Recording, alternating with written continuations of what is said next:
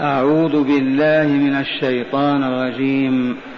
شهر رمضان الذي أنزل فيه القرآن. أنزل فيه القرآن هدى للناس وبينات من الهدى والفرقان. فمن شهد منكم الشهر فليصمه. ومن كان مريضا أو على سفر فعدة من أيام أخر. يريد الله بكم اليسر ولا يريد بكم العسر. ولتكملوا العدة ولتكبروا الله على ما هداكم ولعلكم تشكرون. أولا شهر رمضان هو الشهر التاسع من شهور الشمس القمرية. ورمضان هذا اللفظ مأخوذ مشتق من الرمضاء وهي شدة الحر. ولهذا ورد صلاة الأوابين حين ترمض الفصال. صلاة الأوابين حين ترمض الفصال. والفصال جمع فصيل ابن الناقة الصغير. إذا اشتد الحر وارتفعت الشمس الفصيل ما يقوى على الوقوف على خفيه فيبرك على الأرض. فهذا وقت صلاة الأوابين والمراد من صلاة الضحى حين ترتفع الشمس وتشتد الحرارة. ورمض هو شدة الحر للعطشان. من به ظمأ وعطش ترمض نفسه. من هذا سمي شهر الصوم برمضان. ويجوز أن تقول شهر رمضان أو تقول رمضان ولا حرج.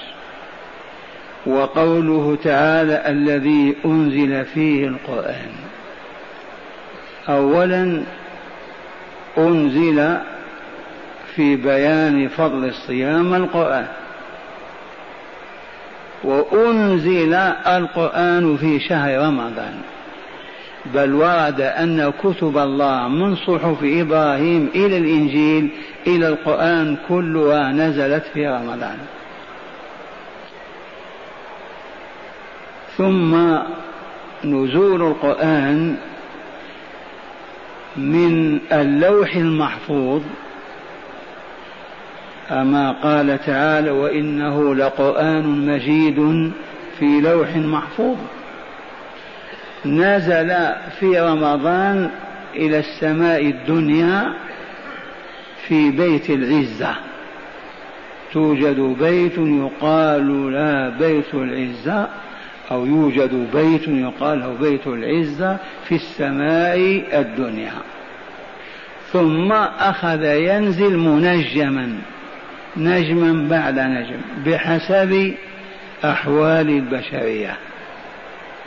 فكلما تطلب الأمر نزول آية أو آيات تنزل والرسول يعلم ويبلغ والكتب يكتبون ويدونون. إذ كان للنبي صلى الله عليه وسلم ثلاثون كاتبا يحسنون الكتاب وكلما نزلت الآية أو الصورة كتبوها. إذا وما هي الليلة التي نزل فيها القرآن؟ الغالب أنها ليلة القدر. وذلك لقول الله تعالى إنا أنزلناه في ليلة مباركة. إنا كنا منذرين. فيها يفرق كل أمر حكيم أمرا من عندنا. وقال تعالى إنا أنزلناه في ليلة القدر. وما أدراك ما ليلة القدر. ليلة القدر خير من ألف شهر. تنزل الملائكة والروح فيها بإذن ربهم من كل أمر. سلام هي حتى مطلع الفجر. شهر رمضان الذي أنزل فيه القرآن. والقرآن هذا اللفظ علم على كتاب الله. وله علم آخر الفرقان القرآن مشتق من القرء الذي هو الجمع. جمعت حروفه وكلماته وآياته وصوره في كتاب واحد. فهو قرآن. وسمي بالفرقان لأن الله فرق به بين الحق والباطل بين المعروف والمنكر بين الشر والخير بين كل متلابسات الحياة. الفرقان.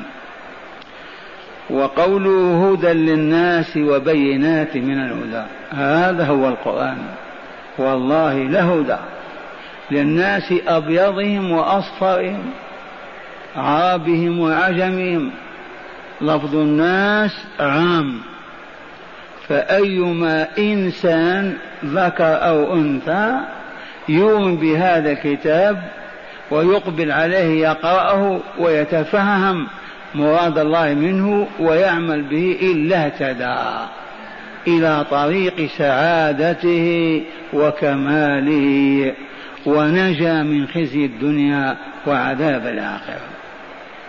ولا يقولن قائل قرأناه ولم نجد فيه الهداية. هذا كلام باطل ولا ينطق به حتى إبليس. في هدى للناس وبينات من الهدى. ليس مجرد هدى بل هناك بينات أنواع وفنون من أنواع الهدايات. فهو في العقل في الآداب في الأخلاق في المال في الحياة بكلها لا يوجد موضع في الحياة إلا والقرآن يهدي ويبين ما فيه.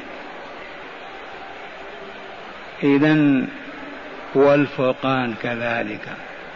فرق الله بالقرآن بين الكفر والإيمان بين الشرك والتوحيد بين الحق والباطل بين الخير والشر بين الصالحين والمفسدين بين الأبرار والفجار بين بين بين. القرآن هو الفرقان.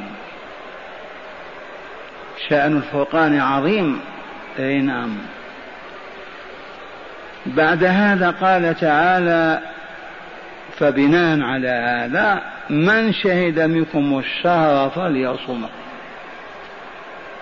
وتقدم لنا في الدرس الماضي أن الله أخبرنا أنه كتب علينا الصيام. وأنه أيام معدودات لا أعوام ولا أشهر. وكما بينها رسول الله صلى الله عليه وسلم ما بين تسعة وعشرين يوما إلى ثلاثين. وأن هذا ليس مما كلفنا به دون غيرنا بل الأمم التي عرفت الله كلها فرض عليها الصيام. إذا متى نصوم بين تعالى الشهر الذي كتب أيامه. فقال شهر رمضان كأن سيد يقول ما هو الشهر الذي نصوم فيه؟ ما هي الأيام التي نصومها؟ أيام شهر رمضان. فمن شهد منكم الشهر كيف يشهد الشهر؟ يشهده يحضر في القرية أو في الحي أو في السفر يشهد من يقول انظروا إلى الهلال أو يقول أنا رأيت الهلال أو رؤي الهلال.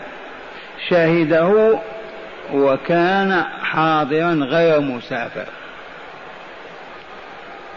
ثم هنا مسألة فقهية لا بد من معرفتها وهي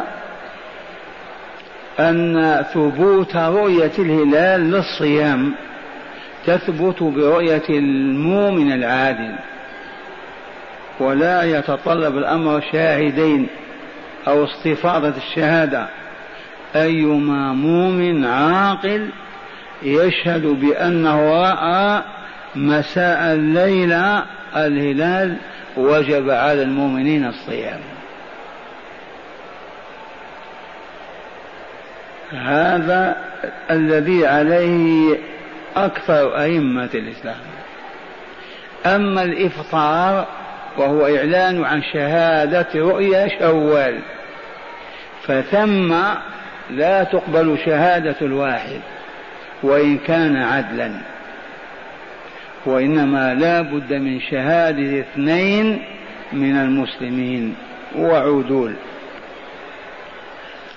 والسر واضح لأن الذي يشهد بأنه رأى هلال رمضان ليصوم ويصوم المؤمنون الفطرة تتنافى مع تحمل الأتعاب والظما والعطش وترك أكل الشرب. فكيف إذا يقول رأيته وما رأى أما الرؤيا من أجل أن يفطر قد يكذبها. حتى يفطر. هذا ليس واجبا وأنه يقع لكن هذه وضعية البشر. دي فطرة الناس. فمن هنا تقبل في رؤية الهلال رمضان شهادة مؤمن واحد ولا نطلب شهادة اثنين أو ثلاثة. أما رؤية العيد رؤية شوال لا بد من اثنين من العدول فلو قال واحد أنا رأيت لا برؤية له أن أن يفطر هو في بيته. شأنه. تأكد من الرؤية ورأى له الحق أن يفطر. لكن لا يحمل الأمة على أن تفطر برؤيته. ولا يقبل منه هذا أبدا. إلا إذا شهد اثنان فأكثر على أنهم رأوا الهلال. فمن شهد منكم الشهر منكم أيها المؤمنون. لو قامت كتلة من اليهود وقالوا رأينا الهلال للمسلمين؟ ما نقبل. لو قالت أوروبا كلها الصليبية لقد رأينا الهلال ليصوموا؟ ما نقبل. لأنهم غير عدول. أو عدول. أي انحراف وهبوط أكثر ممن يكفر الله. ويجحده. إذا قوله تعالى منكم أيها المؤمنون. ثم هنا أمر آخر. منكم أيها المكلفون. فغير المكلف لا يدخل في هذا. والمكلف هو المؤمن العاقل البالغ. غير مؤمن ما هو بمكلف. لو رأى الهلال التي فات إليه. طفل صغير لم يبلغ لا تقبل شهادته. مجنون مختل العقل لا تقبل منكم أيها المؤمنون المكلفون. وهنا إذا أسلم الكافر ليلة رمضان وبلغ الغلام ليلة رمضان وجب عليهما أن يصبحا صائمين. فريضة الله. إذا أسلم الكافر ليلة رمضان من المغرب إلى السحور تعين عليه أن يصوم غدا. الصبي الغلام الناهز البلوغ إذا بلغ تلك الليلة مثلا نام بعد المغرب بعد العشاء واحتلم. واستيقظ. آه احتلمت. إذا بلغت. يجب أن يتصحى ويصوم. أما إذا بلغ الغلام في النهار والكافر أسلم في النهار فليس عليهما صيام ذلك اليوم. وإن أمسك لهما أجر. الغلام نام في الضحى احتلم. أه عرف أنه بلغ. لأن آية البلوغ الاحتلام. إذا احتلم فأفرز المني هو رجل. لا محالة. إذا فمن شهد منكم الشهر فليصم. أن يكون مكلفا. أي عاقلا بالغا. أليس كذلك؟ وإن رآه الغلام واحتلم في تلك الليلة أو الكافر وجب الصيام. ما رأى ما احتلم الغلام إلا في النهار ولا أسلم الكافر إلا في النهار والناس صيام لا يجب عليهم الصيام. وإن أمسكا خير لهم. وكذلك الحائض والنفساء شهدت أم الهلال وحرارة الإعلان وهي حائض تصوم. قل أنت ربي قال صومي. من شهد منكم الشرف فليصمه. لابد وأن يكون أهلا للصيام. مسلم عاقل بالغ وليس بما حائض ولا نفسا فمن شهد منكم الشهر فليصومه.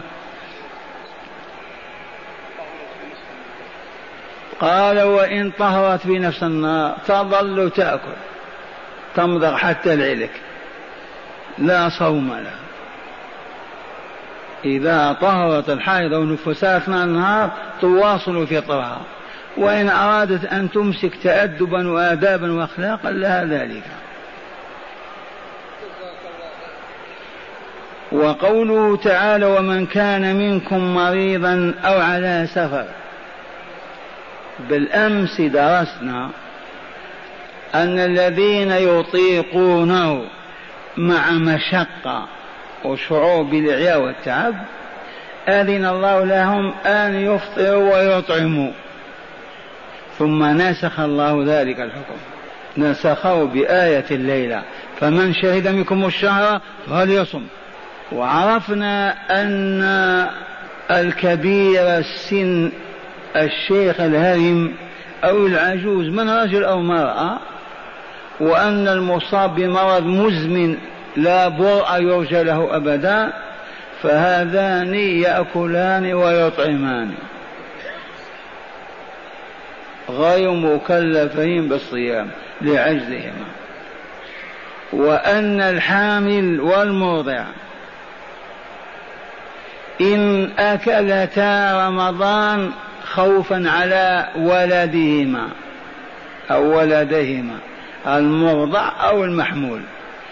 تقضيان وتطعمان.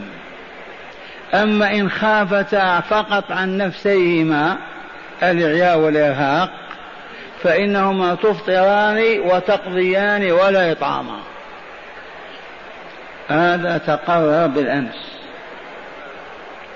وهنا يقول تعالى فمن كان منكم مريضا أو على سفر معنى أو على سفر؟ أنا الآن على الكرسي ولا لا؟ صحيح؟ متمكن منه؟ لو كنت جالس إلى جنبي يقول هذا الشيخ على سفر على كرسي؟ فمن هنا إذا لم يخرج من البلد ويترك البلد وراءه لا يقال فيه على سفر. ولهذا بعض الغافلين أو بعض المفتين يقولون ما دام قد عزم على السفر يفطر في الصباح في البيت قهوة وجبنة وكذا وبعد يمشي. ما ينبغي. ربما تعطل. كم من معوق عوقه. سيارته ما مشت. الطائرة قالوا توقفت. فلهذا لا بد من مراعاة على متمكن من الصلاة فمن كان منكم مريضا أو على سفر ما قال أو مسافر على السفر. متمكن منه كالذي يركبه. نظير هذا على هدى من ربهم. متمكنين من الهداية. أولئك الذين أولئك على هدى من ربهم وأولئك هم المفلحون الشاهد في كلمة على تدل على الاستعلاء تدل على التمكن من العمل. فمن كان منكم مريضا أو على سفر فعدة أي فالواجب أو المطلوب منه عدة من أيام أخرى غير أيام رمضان. والأيام 360 يوم في العام. فعليه أن يصوم بعدد ما أفطر من أيام أخرى من غير رمضان. فعدة من أيام أخرى. هنا قد يقرأ الطالب ويجد من يقول المسافر والمريض لو صام بطل صومهما. هذا مذهب الظاهرية. والصحيح هذا كلام لا يقبل. لأن القرآن ما تركه الله بدون رسوله. بينه رسوله وبينه أصحاب الرسول وأتباعهم. ما نفسر بأهوائنا فعدة من أيام أخرى إن كان قد أفطر. أما إذا لم يفطر لا شيء عليه. وثبت يقينا أن الصحابة قالوا كنا مسافرين غزاة منا الصائم ومنا المفطر ولا يلوم الصائم المفطر ولا المفطر الصائم. وحديث ليس من البر الصيام في السفر. هذا محمول على أن المسافر إذا كان يعوقه السفر يعطل سفره. وما فيه من أعمال الإفطار أفضل. انتبهتم؟ وإن كان السفر لا يعوقه لا يحد من طاقته لا يبطل عليه عمله في سفره الصيام أفضل. ذي هي الحقيقة التي عليها أهل البصيرة. فعدة من أيام أخر ثم قال الله جل جلاله يريد الله بكم اليسر ولا يريد بكم العسر وله الحمد والمنة.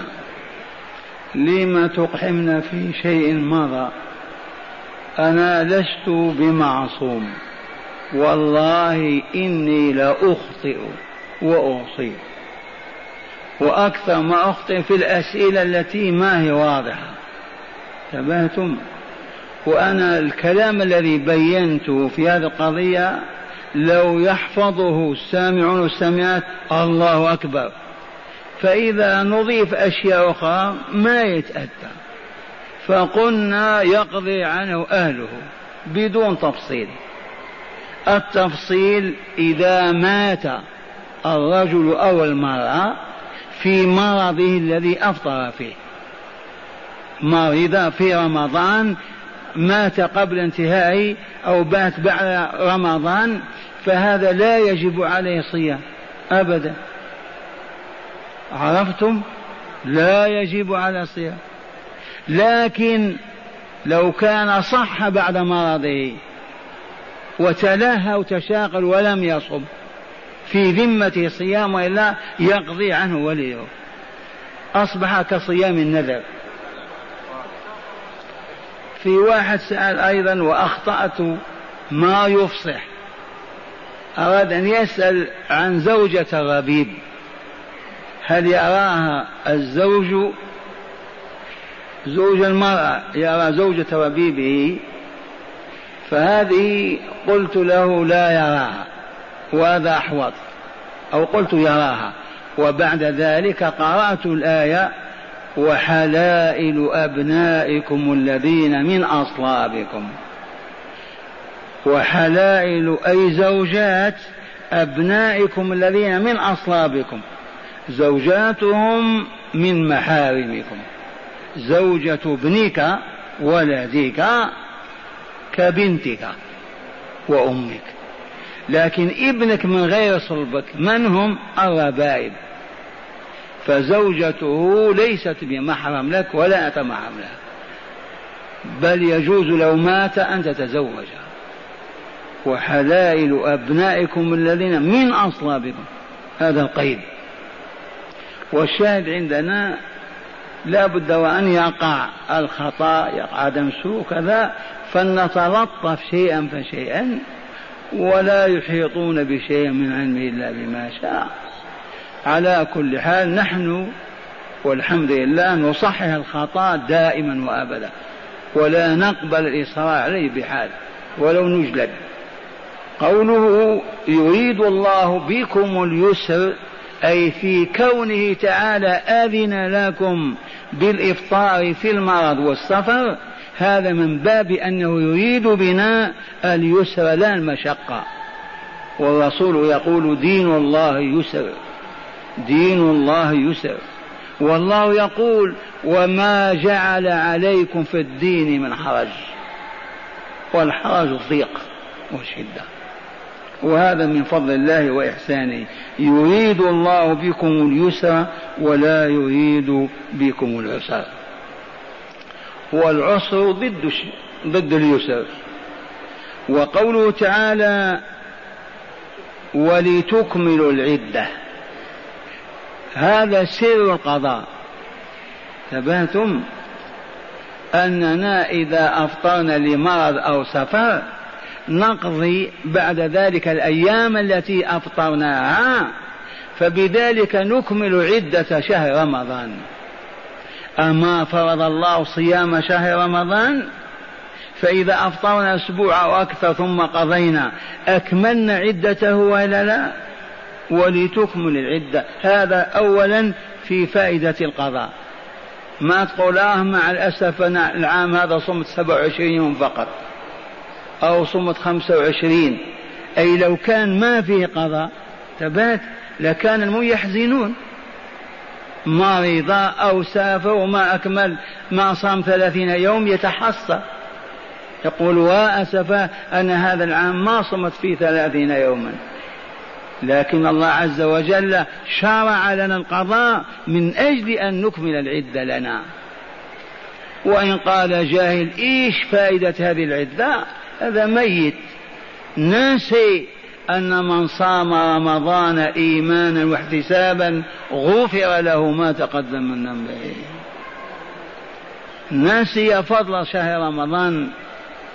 إذا دخل رمضان فتحت أبواب الجنة أغلقت أبواب النار صفدت الشياطين.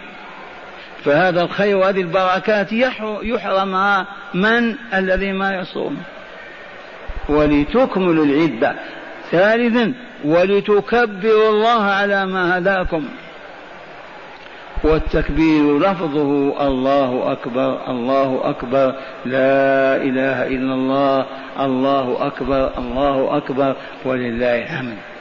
ويبتدئ التكبير من ليلة العيد إلى أن نصلي العيد ونعود إلى بيوتنا. نحن ذاهبون إلى المصلى ونحن نكبر. الله أكبر الله أكبر لا إله إلا الله الله أكبر الله أكبر ولله الحمد. ونحن جالسون ونحن عائدون. هذه ليلة يوم التكبير. ولتكبروا الله على ما هداكم. على هدايته لكم. هل الكافرون يكبرون؟ جيب لي كافر يكبر نعطيك ألف ريال. يكره أن يقول الله أكبر. وإذا بك أنت تتلذذ بها وترفع صوتك بها وأنت في فرح وسرور. أليس هذا مما يحمد الله عليه ويشكر؟ عندنا مثل عامي العجوز إذا كانت تكره جارتها تقول اسمعي لا تنطقي باسمي. ما نسمح أن تقول فلانة كيف هذا؟ بمعنى أنا فوق مستواك أنت حتى تذكر اسمي. عرفتم؟ ومن هنا أذن الله لنا في ذكر اسمه. هذا إنعام لا حد له. وإلا من نحن وما نحن حتى نذكر اسم الجليل اسم الله الجليل. نحن أهل لأن نذكر والله ما نحن أهل ما قيمتنا. ولكن من فضله علينا وامتنانه أن أذن لنا في ذكره بل وأثابنا عليه بل ورفعنا درجات بذكره. ولتكبروا الله على ما هداكم ولعلكم تشكرون. أي وليعدكم أيضا للشكر. وقد تقرر عند السامعين والسامعات الشكر ما هو. الشكر اولا الاعتراف في القلب بالنعمة للمنعم. ثانيا ترجمتها الإعراب عنها باللفظ الحمد لله. ثالثا صرف النعمة فيما من أجله أنعم بها المنعم. لا أن ينعم عليك بألف ريال فتشتري بها كاس خمر وتشربه أنعم عليك بنعمة الصحة. لا تبدل طاقتك في معصيته تتحداه أنعم عليك بنعمة الشرف والمكانة رفيعة. تواضع وتطامن. لا تترفع على أوليائه وتتكبر عليهم. وهكذا هذه الحقيقة لن تفوت المؤمنين والمؤمنات. الشكر علة الحياة كلها. أليس كذلك؟ لو سئلت يا رب أو سألت يا رب لما خلقت هذه العوالم كلها؟ يقول خلقتها لأجلك. يا ربي وأنا خلقتني لما؟ من أجل أن تذكرني وتشكرني. فعلة الوجود بكله أن يذكر الله ويشكر. فلهذا الذي لا يذكر الله ولا يشكره جزاء يخلد في العذاب الأبدي. وبينا غير ما مر لو أن شخصا نسف مدينة. يحكمون عليه كم سنة؟ خمسين سنة. خمسين سنة. وإذا كان نسف قار بكاملها كم يسجن؟ حتى الموت. وهذا الذي ترك ذكر الله وشكره كأنما نسف السماوات كلها ونسف الأرض وبدد العوالم كلها. إذ كلها مخلوقة لأن يذكر ويشكر. فلما رفض ذكر الله وشكره كان كمن نسف العوالم كلها وصور صير دخانا. إذا كم يعذب هذا؟ لا نهاية لعذابه لأن جريمته أعظم. فهمتم هذه الحقيقة ولا لا؟ قد يقول قال لي هذا كفر سبعين عام يخلد في جهنم. يخلد في جهنم. لما لأنه ما كفر سبعين عام. هذا لأنه كمن نسف الكون كله ودمره. لأن الحياة كلها مخلوقة لنا ولا لا؟ أما قال تعالى هو الذي خلق لكم. سخر لكم ما في السماوات ما في الأرض. يا ابن آدم لقد خلقت كل شيء من أجلك. إذا فإذا أراد الله من عبد أن يذكر ويشكره فرفض الذكر والشكر فكان شر الخليقة والبرية وجزاء أن يخلد في عذاب لا ينتهي.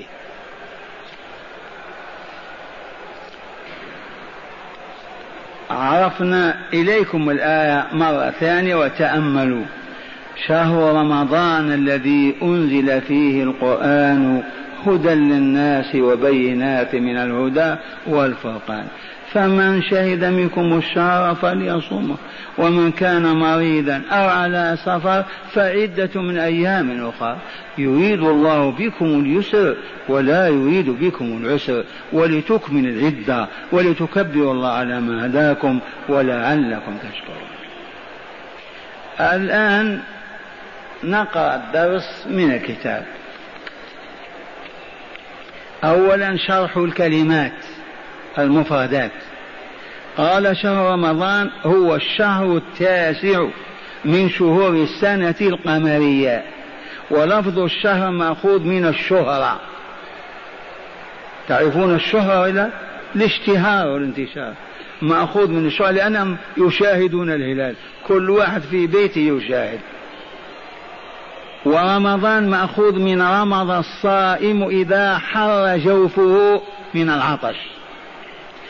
الذي أنزل فيه القرآن هذه آية فضله على غيره من سائر الشهور حيث أنزل فيه القرآن وذلك في ليلة القدر منه.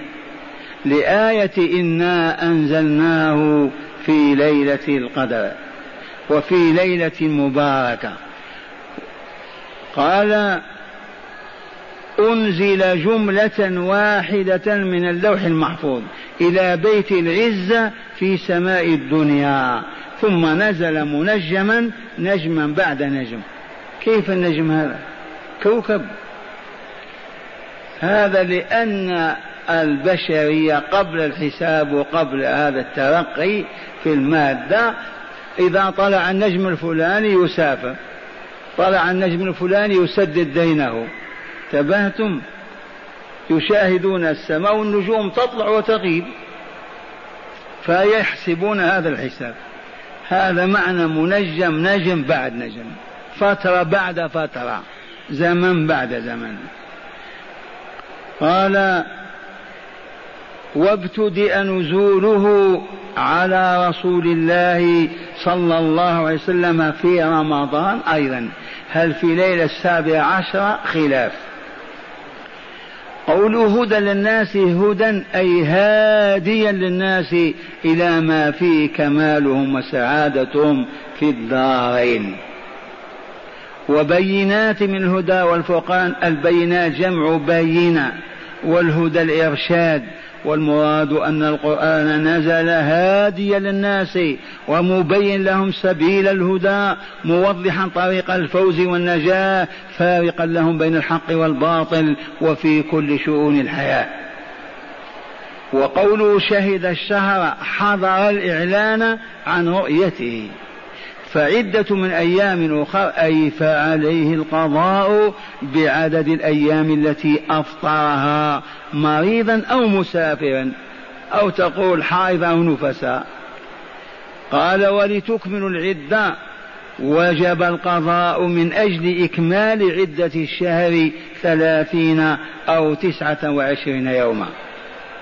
ولتكبروا الله على ما هداكم. قال وذلك عند إتمام صيام رمضان من رؤية الهلال إلى العودة من صلاة العيد. والتكبير مشروع وفيه أجر عظيم وصفته المشهورة الله أكبر الله أكبر لا إله إلا الله الله أكبر الله أكبر ولله الحمد. هذا محفوظ عند أكثر الناس. ولعلكم تشكرون. أي فرض عليكم الصوم وندبكم إلى التكبير لتكونوا بذلك من الشاكرين لله تعالى. على نعمه لأن الشكر هو الطاعة. هذه المفردات هي معنى الآية الإجمالي. قال معنى الآية الكريمة تأمل عبد الله لما ذكر تعالى أنه كتب على أمة الإسلام الصيام في الآية السابقة وأنه أيام معدودات بين في هذه الآية أن المراد من الأيام المعدودات أيام شهر رمضان المبارك. الذي أنزل فيه القرآن هاديا وموضحا طرق الهداية وفارقا بين الحق والباطل. فقال تعالى شهر رمضان الذي أنزل فيه القرآن هدى للناس وبينات من الهدى والفرقان. فمن شهد منكم الشهر فليصم. يريد شهر رمضان. ومعنى شهد كان حاضرا غير مسافر لما أعلن عن رؤية هلال رمضان فليصمه على سبيل الوجوب. إن كان مكلفا. ماذا قلنا في المكلف؟ العاقل البالغ. وإن أسلم الكافر وبلغ الغلام في الليل وجب الصيام. وإن كان في النهار لا شيء عليهم. ثم ذكر عذر المرض والسفر وأن على من أفطر بهما قضاء ما أفطر بعدته. وأخبر تعالى أنه يريد بالإذن في الإفطار للمريض والمسافر يريد اليسر بالأمة. ولا يريد بها العسر فله الحمد وله المنة. فقال تعالى فمن كان منكم مريضا أو على سفر فعدة من أيام أخر يريد الله بكم اليسر ولا يريد بكم العسر. ثم علل تعالى للقضاء بق... للقضاء. قضاء رمضان. بقوله ولتكملوا العدة أي عدة أيام رمضان. هذا أولا. وثاني لتكبروا الله على ما هداكم عندما تكملون الصيام برؤية هلال شوال. وأخيرا ليعدكم بالصيام والذكر للشكر. فقال عز وجل ولعلكم تشكرون. واضح هذا الشرح. الآن هداية الآية. كل آية فيها هداية. هنا؟ والله لكل آية فيها هداية. كل آية تقول لا إله إلا الله محمد رسول الله. أليس كذلك؟ هذه الآية من أين أتت؟ من الله. إذا الله موجود وعليم. على من نزلت؟ على محمد. إذا هو رسول الله. قال من هداية الآية أولا فضل شهر رمضان وفضل القرآن. ثانيا وجوب صيام رمضان على المكلفين والمكلف هو المسلم العاقل البالغ مع سلامة المرأة من دماء الحيض والنفاس. ثالثا الرخصة للمريض الذي يخاف تأخر برئه أو زيادة مرضه. المريض الذي يقول إذا صام يتأخر الشفاء تطول مدة المرض يفطر أو يخاف زيادة المرض وارتفاع درجته. مرة ثانية الرخصة للمريض الذي يخاف تأخر برئه أو زيادة مرضه. والمسافر مسافة قصر.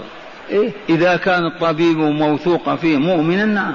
المسافة بالأمس عرفناها قف وقلها. لا أنا أسأل عن المسافة القصر. ثمانية وأربعون كيلو متر كيلو. حتى لذا يقولوا كيلو ولا لا. أصلها أربعة برود تبهتم والبريد. كم كيل كم ميل؟ البريد اثنا عشر ميل. والميل هو عند علماء الأندلس والمغرب بكامله الميل ألف ذراع تبعتم.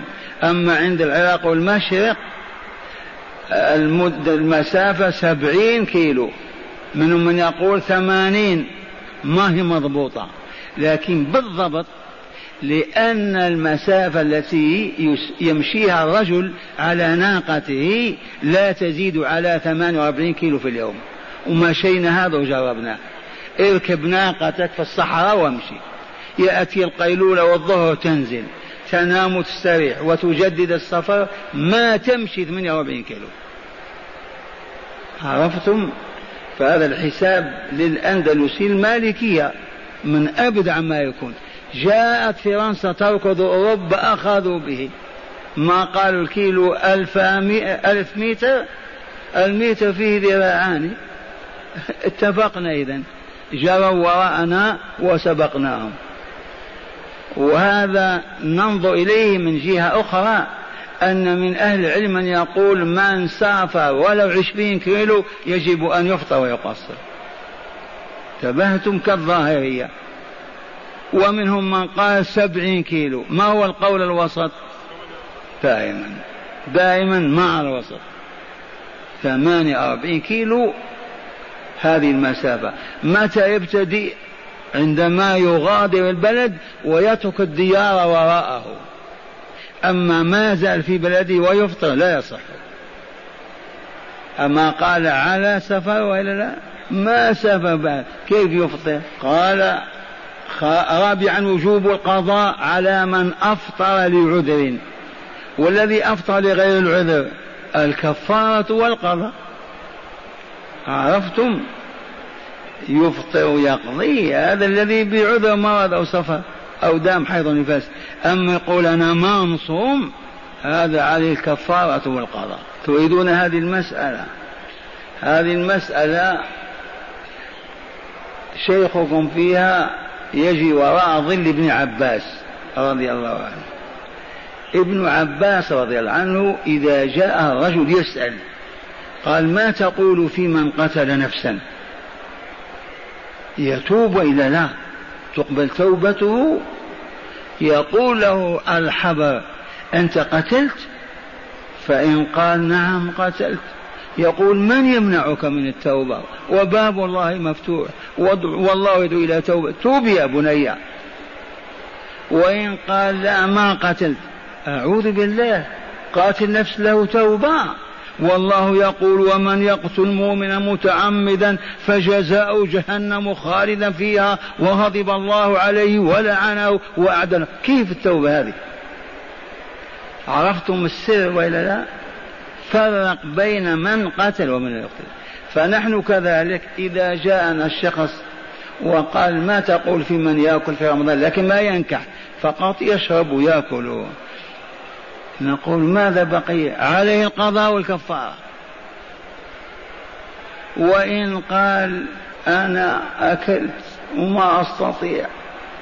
نقول جامعة قال لا بس أكلت شيء نقول له اقضي فقط. ولا كفارة عليك. ثباتم لوجود مذاهبنا الأربعة نصفهم يقول بالقضاء ونصفهم يقول لا قضاء إلا في الجماع. فالمفتي أو الذي يعلم ينبغي أن يسلك مسالك الهداية. فهمتم هذه؟ قال رابعا وجوب القضاء على من أفطر لعذر. خامسا يسر الشريعة الإسلامية وخلوها من العسر. وهو كذلك والحرج سادسا مشروعية التكبير ليلة العيد ويومه وهذا التكبير جزء لشكر نعمة الهداية إلى الإسلام. سابعا الطاعات هي الشكر فمن لم يطع الله ورسوله لم يكن شاكرا أبدا حتى يعد مع الشاكرين. الطاعة هي الشكر ما أطاع ما شكر بل كفر.